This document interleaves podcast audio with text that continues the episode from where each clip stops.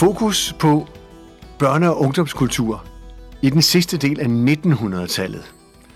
Ja, velkommen til en speciel podcast, hvor det måske lyder langt væk, men det er kun 21 år siden, vi sluttede. Og jeg har to generationer siddende i studiet her, øh, John og Pau Karlslund, som øh, har været med til at køre en kultur blandt børn og unge, som er ganske anderledes, end den er i dag. Og spørgsmålet er, om det i virkeligheden er noget, vi er gået glip af, at vi har tabt den kultur.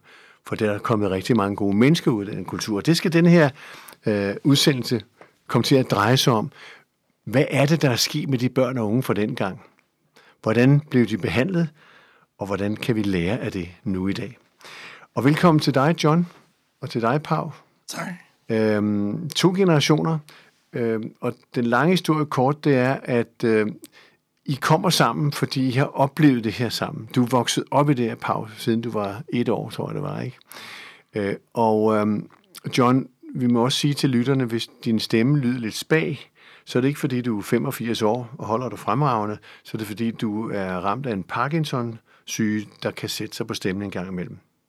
Så, så det er, og du kan blive bevæget, og det er dejligt også i de her udsendelser. Men så har vi ligesom sat det på plads. Øh, og når jeg har taget jer to ind, er det for at fortælle om den kultur, som foregik på Amager i gamle dage, altså 21 år siden og lidt derfør. Men ikke blot Amager, fordi Amager er en stor ø, som folk kender fra Kastrup Lufthavn og alt muligt andet, men fra Vestamager. Vestamager er for en amerikaner noget helt specielt. Og rundt omkring i Danmark vil man sige, hvad er der specielt ved det? Det kommer vi til at høre, fordi Vestamager er en kultur for sig selv. Er det korrekt, det jeg siger? Det er rigtigt, ja.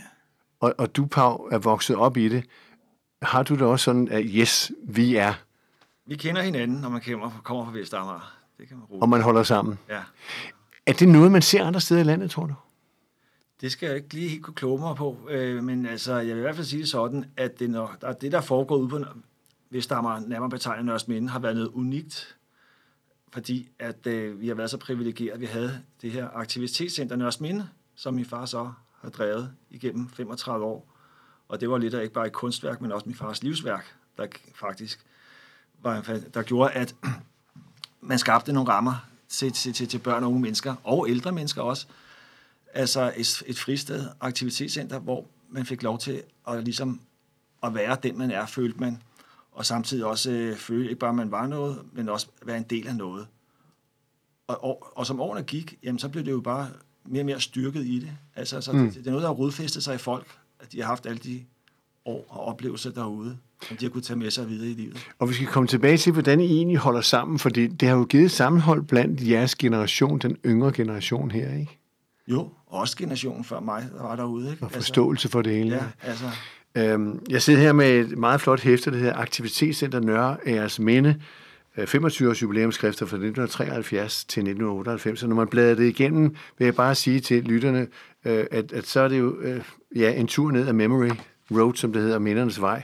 Og det er fantastisk at se den udvikling, der er sket i vores samfund på de år her. John, fortæl mig bare kort om, hvad, hvad er Nørres Minde gård? Hvor kommer den fra? Det er jo en Vestamager gård. Ja, det er jo en gammel gård, der er 200 år gammel. Og øh, ham, der startede den, han hed Nørager. Og han har også været med til at plante Konglundskoven. Og så den så gået i salg og været, været helt op til Olsens frø. Nej, Jo, A. Hansens frø, avl, som var på Amager. Ja, ja. Og der blev ud- udstykket Grundejerforeningen, Nørres Minde Grundejerforening. Det er den største ude på Amager. ja. Fortæl mig en gang, øh, 200 år gammel, over 200 år gammel, hvordan kom du i gang med at skulle lave det arbejde? Fordi du er uddannet til noget helt, helt andet. Hvad er det, du er uddannet til? Jeg er uddannet både stemmelgravør, værktøjsmager og våbenmekaniker. Ups. og øh, været teknisk assistent på Lars Knudsen. Men så læste min kone til pædagog, og det fristede mig. Jeg så, hun kom solbrændt hjem. Jeg sad på legepladsen, hvor jeg, havde stået indendørs og blev lige bleg. Så tænkte jeg, jeg må læse til klubpædagog. Og det var med at have med unge mennesker at gøre. Og så var der en stilling ude på Nørres Minde, der var ledet efter en kunstmaler, der hed Knud Jans. Han ja. kom derud og skulle lave noget kunsthistorie derude, men det var ikke til at få ro til det. Der var for mange unge mennesker, der manglede et fristed. Så han fandt ud af, at det var bedre, der kom en klubpædagog ud og tog sig lidt af de unge. Så søgte jeg stillingen og var heldig, men vi skulle bo der begge to, konen og mig. Mm-hmm. Så det var jo noget af en prøvelse, og vi skulle arbejde sammen. Men det gjorde vi så et halvt års tid. Så viste det sig... Så skrev konen, nej. så, så, så, så viste det sig, at der var en ledestilling på noget, der hed Nabogården, et fritidsklub. Og den var hun heldig at få. Så på den måde, så gik det fint, så havde vi hver vores arbejdsplads. Og kunne... Og øh, Pau, du vokset op i det her miljø. Ja. Altså, og, og han er så gået fra den ene gård til den anden, lige om hjørnet. Ja. Hvordan var det som barn? Jamen, jeg vil sige, det har været berigende og atypisk selvfølgelig. Altså, det har været noget anderledes, end hvad de fleste børn, de oplever at vokse op med. Altså, at have en, et sted, hvor du går i fritids øh, hjem øh, længere ned ad vejen, knapperne op, hvor din mor leder fra 7 til 14 år, og så går jeg til et andet sted, hvor min far så også er leder i aktivitetscenterne og mænd. Så altså, øh, så man egentlig dårlig nok, hvornår man havde fri. Altså, det var 24-7, ikke? Ja. Så, øh, Følte du dig ikke fri så? jo, fordi at det, det, altså, jeg var, var jo fri altså på den måde, at deres minde der, det var jo et fantastisk sted, men samtidig var det også ens hjem. Så, fordi, at, så på den måde var det jo atypisk, man gik derover og var en del af den kultur sammen med alle de andre mennesker. Samtidig med, så gik jeg kun 5 meter, så var jeg hjemme på mit bopæl. Ja, ja. Altså, og når jeg så var nede på nabogården, og så skulle være væk fra det sted, hvor jeg boede og ja. deres minde, jamen, så var min mor jo trods alt leder der også. Så, så på den måde kan man så sige, at jeg ikke var den helt fri, og jeg kunne slippe fra mine forældre. Du skulle opføre dig ordentligt hele tiden. Ja, ja, ja. Nogle gange fik man, blev man nede lidt i armen, måske lidt mere end de andre børn, ikke? men øh, sådan er det. Når nu vi skal sætte det her på landkortet Vestamager, så ligger det jo ja, tæt på Kongelunden og, og tæt på, på, øh, på hele det der frie areal, der har været, der hed Fælleden. Øh, men, men der var også nogle mennesker, for at sætte det her på landkortet, nogle mennesker med rygmærker, der, kan man sige, huserede området. Hvad var det for noget, John? Ej, det, det kom lidt senere, men øh, Bare for at sætte det i ja. perspektiv, ja. Vi, var, vi var heldige, at vi kunne få lov at have et fristed, hvor alle aldersgrupper kunne komme, og det var gratis. Og vi skulle ikke sidde og græsse penge ind. Mm. Og så kunne alle få lov at komme der, og der var både de små børn, og så, så helt op til 90 år. ja. Men øh, så havde vi mulighed for at have dyr. Der var en stald, så vi fik en dyrelegeplads med heste og grise Mm. og får. Det var rigtig Jens Hansens bondegård. Så det i sig selv var fantastisk. Det trak jo mange piger. Så, så vi, vi havde mægtigt med, med, med dem at gøre. Men så, som du siger med rygmærkerne, de kom jo lidt senere, men det, det var de Nørres Mindedrenge, der kørte på knallert. Og det kom jo til at hedde Nørres Mindebanden. Og de skulle have et rygmærke, det må jeg helt rømme. Det var måske ikke det mest pædagogiske, men jeg, jeg hjalp dem med at lave sådan en ørn. Det gjorde du. Ja, Ja. så fik I sådan en ørn på ryggen, hvor der stod Nørres Minde. Men det var jo fordi, de har set sådan en populær amerikansk film, der Ja, ja, ja. ja. var kommet til byen, Det ikke? var fordi Helsinki, nej, Nej, ikke. ikke Helsinki, de Easy ville, de ville, det det, ja, ja, så de ville ingen. Men, men, men de var, var de præget af rockermiljøet? Nej, det var de ikke. De kørte bare rundt og skulle gøre sig bemærket. Men der skete aldrig noget på gården. Og hvorfor tror du ikke, der gjorde det? Ja, det var fordi, der følte de sig hjemme. De blev modtaget som dem, de var simpelthen. Ja, ja. Men det udviklede sig jo desværre, efter de kom i kampolage med galoppengus over på kikkuren. Og der blev en af dem fra Nørres Minde. Han blev skudt og døde. Hmm. Gimnaner hed han. Ja. Og det var en katastrofe. Og det, det ødelagde, kan man sige, den gode stemning. Det gjorde det. Så begyndte det jo at komme rockerkrig. Hvordan påvirkede det jer? Ja, det gjorde så... Der var, mere, mere, der var mange, der måske ikke måtte komme der. Forældrene sagde, at I skal ikke ned og De var bange for, at de skulle, bange for rockerne. og bange for, at de selv skulle blive det måske. Ja, ja. Men det gik altså bedre, end vi havde regnet med. krævede selvfølgelig ekstra arbejde. Og, og Pau, kan du forklare, hvorfor det gik bedre? Altså, du, har, du, du nævner din far som eksempel på en god pædagogik, hvis man kan sige det sådan, i en tid, der ikke er mere. Hvad, var det, din far kunne? Jamen, øh, først og fremmest er min far meget tålmodig mand af sind. Altså, det, den, den, den, den kredit og ro skal han jo have, hvor de fleste nok vil jo skrigende bort øh, fra start af eller senere hen i løbet af sådan nogle forløb der, som for eksempel er her, der bliver talt om. Men min far havde også en fantastisk evne til at leve sig ind i folk og acceptere folk og forstå folk. Altså, og det er jo det, der er smittet af på mange mennesker i dag, at de følte, at de kom et sted, hvor der var nogen, der interesserede sig for dem, og de kunne føle sig forstået. Ikke? Altså, øh, det vi mange mennesker alle sammen måske her i livet hungrer efter, det er jo at være noget, eller føle, man er en del af noget. Og det må man sige, det formåede min far altså at arbejde med at vise over for både børn, unge og ældre mennesker derude. Ikke? Skabe de her rammer og føle, man var en del af fællesskabet. Der var ikke nogen, der blev marginaliseret. Nu snakker vi om rygmærker. Ja, der kunne stå folk derinde i, i, i hobbyværkstedet med rygmærker, sammen med, der kunne sidde nogle pensionister og lave læger. Og små børn som mig eller andre kunne kravle rundt på gulvet nærmest. Ikke? Altså, der var plads til alle. Mm. Altså, så på den måde kan man sige, at det er unikt. Det finder du ikke nogen andre steder i hele samfundet, hvor man har kunnet skabe et, et, et rum for så mange forskellige typer, kan være samlet på samme tid og samme sted. Altså, det, det, det, det, det er jo imponerende. Øhm, og, og du sidder i dag som, som den voksne søn, som kigger tilbage og, kan man sige, skamroser. Det gør du ikke. Det er jo ikke nogen skam, men du roser i hvert fald din far. Øh, og det har du også gjort i en samtale, dig og jeg imellem, inden vi kom i studiet. Hvad er det, der er unikt ved din far? Jo, men det, der er unikt, det er, at øh, man kan jo ikke gå mange meter, heller ikke den dag i dag, uden folk omtaler ham. Altså, de, alle derude husker ham jo, og, og takker ham. Så det er derfor, jeg skamroser min far, fordi jeg den dag i dag hele tiden modtager tak fra folk, der er vokset op, og så siger, jamen, hvor vi savner det sted, og hvis vi ikke havde det sted, hvad var der så blevet også i dag? Og, øh, og det er jo ikke alle, hvor de sådan stiller spørgsmålstegn ved sig selv, hvor var jeg så blevet i dag? Men der er altså mange derude, som var, som jeg siger, kommet galt afsted her i livet, eller måske blev opgivet af nogle institutioner og instanser her i samfundet, men så kom ud på Nørres Minde og fik bygget sig selv op og blev gode familiefædre eller mødre og samfundsborgere og jeg ved ikke hvad.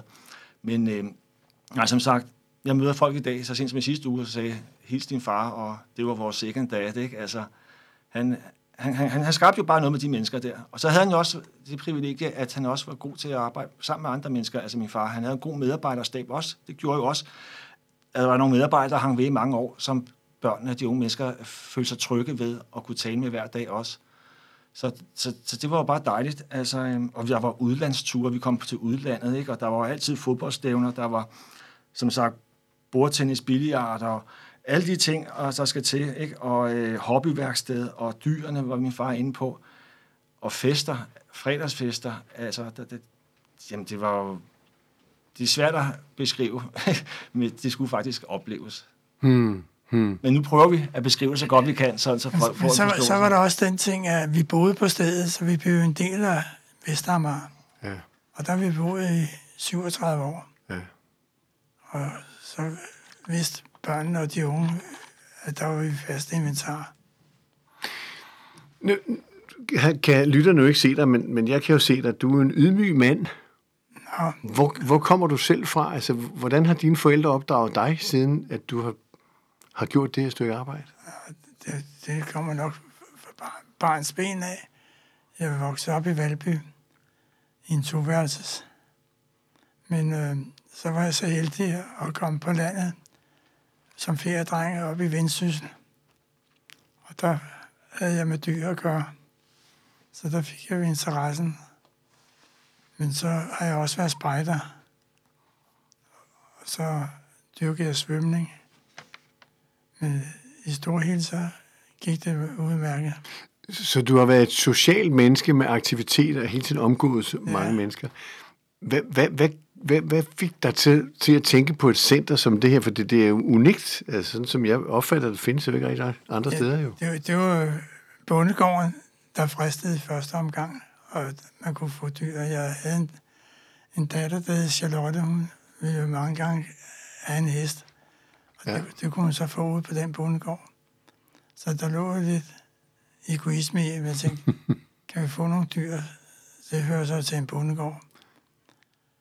Så det, Når, når nu I, eller du øh, startede de aktiviteter, som jo er enestående på mange måder, hvor fik du inspirationen fra? ja, jeg lærte jo også lidt af, øh, til klubuddannelsen, der fik man også lidt at vide. Men ellers så var det vel fantasien.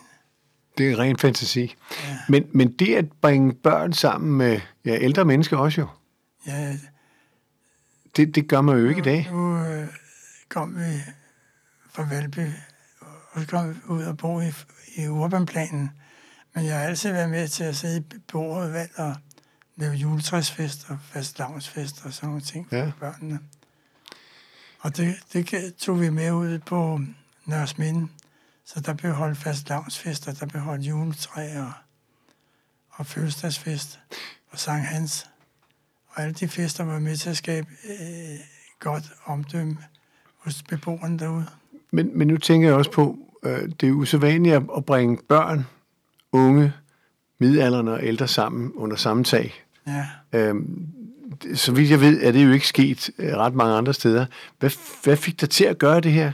Ja. At få ældre mennesker sammen med helt unge? det, det var ide- ideen hed, så at vi skulle lave sådan et aktivitetscenter for alle aldersgrupper. Ja. Så vi måtte jo leve op til det målsætning. Hmm. Men øh, vi havde jo en, øh, hvad kan man sige, en frie hænder. Tillid og frie hænder. Ja. Ja. Men så skete der jo det, som du siger med rygmærkerne. Altså, nu er der udgivet en bog om bullshit, og den øh, fortæller blandt andet, at så kom makrallen og hans ballade med inden for byen af. Ja. Og de skulle, skulle slå sig sammen med Nørres Mindbanden, fordi de skulle klare de andre unionen. Ja, det- det, er, det- det er jo bandekriminalitet, kan man sige. bandekriminalitet. Så lige pludselig fik vi nogen ud, som vi slet ikke kendte. Det ødelagde lidt af stemningen, at der kom nogen inden for Nørrebro og Vesterbro. Kunne du styre det? Nej, det, det var lidt sværere. Hvad siger du mig, øh, øh, Pau? At øh, der kan man jo så også tilføje, at det min far så også siger, okay, hvis han har haft lidt problemer der, måske nogle gange har så stået lidt mutters alene, hvordan klarer vi den? Men øh, han havde heldigvis bygget et godt tillidsforhold op til mange af de unge mennesker der, og deres forældre. Så min far gik meget ind for det der med hele tiden med kontakt med forældrene, altså det præventive arbejde, socialpræventive arbejde. Hmm. Og øh, han har også en god dialog og kontakt til lokale uropoliti. Altså, de kendte også hinanden, og de kendte også de unge mennesker. Så det, de også var synlige derude, det gjorde også mange gange, altså hvis politiet kom med deres tilstedeværelse en gang imellem, at nå ja, så vidste man godt, hvem der bestemte, ikke? Men ellers så, hvad hedder det, øhm, så havde min far en god dialog med forældrene generelt. Og, øh, men der var så et tidspunkt, hvor de kappede tråden kommunen og sagde, nu skulle du droppe det der opsøgende arbejde med forældrene, fordi nu er de blevet lidt for dygtige. Og min far var, synes jo, det var noget af det meget afgørende, at man tog tingene og problemerne så tidligt i, i starten, altså i fasen, og kunne sætte ind. Så det, så følte han sig jo amputeret lige pludselig, ja. så han ikke måtte det, fordi der kunne min far jo godt holde forældreaftener, hvis børnene havde, nogle, nogle af de unge mennesker havde lavet lidt for mange narstreger. Og så invitere på kaffe og en øl. Man kunne sidde og snakke om det, om deres børn og så videre der, ikke? Men da det så lige pludselig ikke var muligt på samme måde der, så skulle han indberette det til systemet, altså socialforvaltning og så videre, så skulle de nok tage sig af det, hvis min far observerede, at der var nogen, der havde nogle problemer. Men så kommer alt byråkratiet jo. Og så snakker vi om 3 til fire måneder før systemet sætter ind måske. I dag kan det være op til et år. med hensyn til støtte og rådgivning og hjælp til nogle af de unge mennesker, ikke? Og så kan man så sige, så, så er det sgu for sent. Der var sgu nogen, der endte med at lave nogle ting, som man ikke skulle have gjort. Ja. Men, Så det viste sig så også efterfølgende, at min far fik frie tøjler igen. Okay, det fik du. Ja. Men så, så havde jeg en af de kedelige oplevelser. Det var en af dem fra bullshit inden for byen. Og han opførte sig ikke så pænt, som man skulle. De kom ud en tirsdag aften. Det var tirsdag og torsdag, det var voksen aften. Men så var der også små børn og sådan noget. Så en af de der rockere, han havde opført sig lidt truende. Så gik jeg ind og sagde til ham, at han skulle opføre sig ordentligt. Så tog han en stor pistol op og satte den lige for panden af mig og trykkede af. Og så siger han, tror du ikke, den dur? Så jeg, nej, det går jeg da ikke ud fra. Selvom jeg havde været våbenmekaniker, så tænkte jeg, det kunne være, at det var en attrappe. ja. Men så tog han magasinet ud af pistolen og tog ladegreb og ud, så hoppede der en patron, som så ikke var blevet slået an. Så blev jeg jo nervøs, så måtte jeg jo tage benene på nakken og råbe til makrallen, han stod og spillede bordtennis, om at komme og hjælpe. Og det gjorde han så. Og øh, pistolen, den var blevet smidt hen i en grov. Og så stak de af over på kaffebaren, der ligger lige ved siden af. Okay. Så kom politiet, og de fik pistolen. Men så patronen, den ville jo godt lige give dem også. Der var jeg over feje og fik fat i den der patron. Så ringede jeg til politiet. Der var vi så i mellemtiden fået lukket og slukket, og jeg sad over i huset. Så kom politiet og fik patronen. Så lidt efter, så kom der en rocker, der hed Smarte. Og han var tosset over, at nogle af hans kammerater var blevet arresteret, og vi havde afleveret pistolen til politiet. Så min kone, hun var træt af, at det var klokken over 12. Så hun siger, hvis ikke du går nu Smarte, så ringer jeg til politiet. Så tog hun telefonen og ville ringe til politiet. Så sprang han ned fra køkkenbordet og gik over imod hende. Så spærrede jeg vejen for ham. Så nikkede han mig en skalle, så jeg brækkede næsen. Og tog en vandkæde, og det var en emalje vandkæde, og bankede oven i hovedet på mig. Men så alt her, så kunne jeg vende ham rundt og ned på gulvet med ham. Og så fik konen lov til at ringe til politiet. Og de kom jo så og anholdt ham. Så skulle jeg på hospitalet og lappe næsen sammen. Og konen hun måtte være alene hjemme. Det var ikke så spændende. Så efter den tid, der var man jo lidt mere påpasselig. Men, men det var en af de kedelige oplevelser. Hvad gjorde det ved dig og de aktiviteter, du så skulle gøre efterfølgende? Blev der begrænsninger på det, eller hvad? Nej, det gjorde det ikke. Det, det, det for, der var ingen, der, der vidste det egentlig. Du fortalte ikke til nogen? Det, det, det kom ikke rigtig op i kommunen, og, og heller ikke i, i lokalavisen. Min far har aldrig været nogen pivskid. Lad mig sige sådan. I dag har man nok taget nogle sygedage, eller gået til fagforeningen sin tillidsmand, eller et eller andet til chefen. Men øh, nej, der, der må man sige, hvis noget af min far ikke er, så er det pivskid. Men der gik selvfølgelig nogle dage, så fik du et chok, så må du køres ind på hospitalet, fordi så kom der nogle ekstra dødninger, chok-effekten der, ikke? Altså, Fik min rystesyge. men, øh, men, men, men, men igen, som min far kommer med sådan nogle historier, det, er- og de, de, de kan for mange mennesker være svære at forstå ude i stuerne, hvad fanden er det, der er foregået. Men så min far, han har altid gjort det, han har kigget på et kalenderår, og siger, der er altså 365 dage på et år. Så det kan godt være, at der har været 5 eller 10 øvebøvdage, hvor man siger, at det her, det var sgu ikke sjov. Men så er der altså alle de andre dage, de 350-55 dage om året, hvor alle solstrålerne kommer, som jeg startede med at være inde på her tidligere. Ikke? Mm. Så, så, så min far var god til at sætte det i perspektiv og proportioner, og så sige, ja ja, det kan godt være, at der kan have været et dårligt ry nogle gange, fordi der er kommet nogle rødder, men husk nu på alt det andet positive og gode ting, der er kommet ud af stedet. Og det er jo også en af dine grunde til, at jeg tror, vi er her i dag for at fortælle alle de positive ting, der er sket derude. Præcist. Um, har I hørt fra dem siden? Rockerne? Nå, jamen, det, de gamle rockere, altså dem fra Nørres Mindbanden, dem hører vi jo fra. Altså, det, det, Men, men de to omtalte, dem de, hørte du ikke fra mere. Den ene er smart ham, der brækker næsen på mig. Han er død. Han blev skudt af politiet. Og den anden har man ikke hørt noget til. Og, og nu er det for sent. Ja, ja. Men ellers de andre, som sagt, havde jo et godt forhold til min far og omvendt. Altså, de har jo været for øh, sige tillykke at holde fødselsdag, 50 års, 60 års, Jamen, 80 års. 80 års fødselsdag, Altid huske min fars fødselsdag og så videre, ikke så? så der, Og de holder stadig sammen. De er en 20 stykker. der er nogle af dem desværre, der er så begravelse i dag. Okay. en af de gamle drenge derude. Øhm, jeg vil lige sige til lytterne til jer øh, to, der sidder her i studiet og deler jeres liv om børne- og ungdomskultur sidst i 1900-tallet, at vi tager en udsendelse mere omkring det her, og så kigger vi på perspektivet i det her. Fordi hvad var det, og hvad er det, vi er gået glip af, at den periode, I holdt børn og unge og ældre sammen? Øhm, er I med på den? Ja. så siger vi velkommen til næste udsendelse. Og øh, det vil glæde mig, at I gæster igen og fortæller lidt mere i detaljer også omkring, hvad kan vi egentlig gøre nu om dagen. Tak for nu. Selv tak.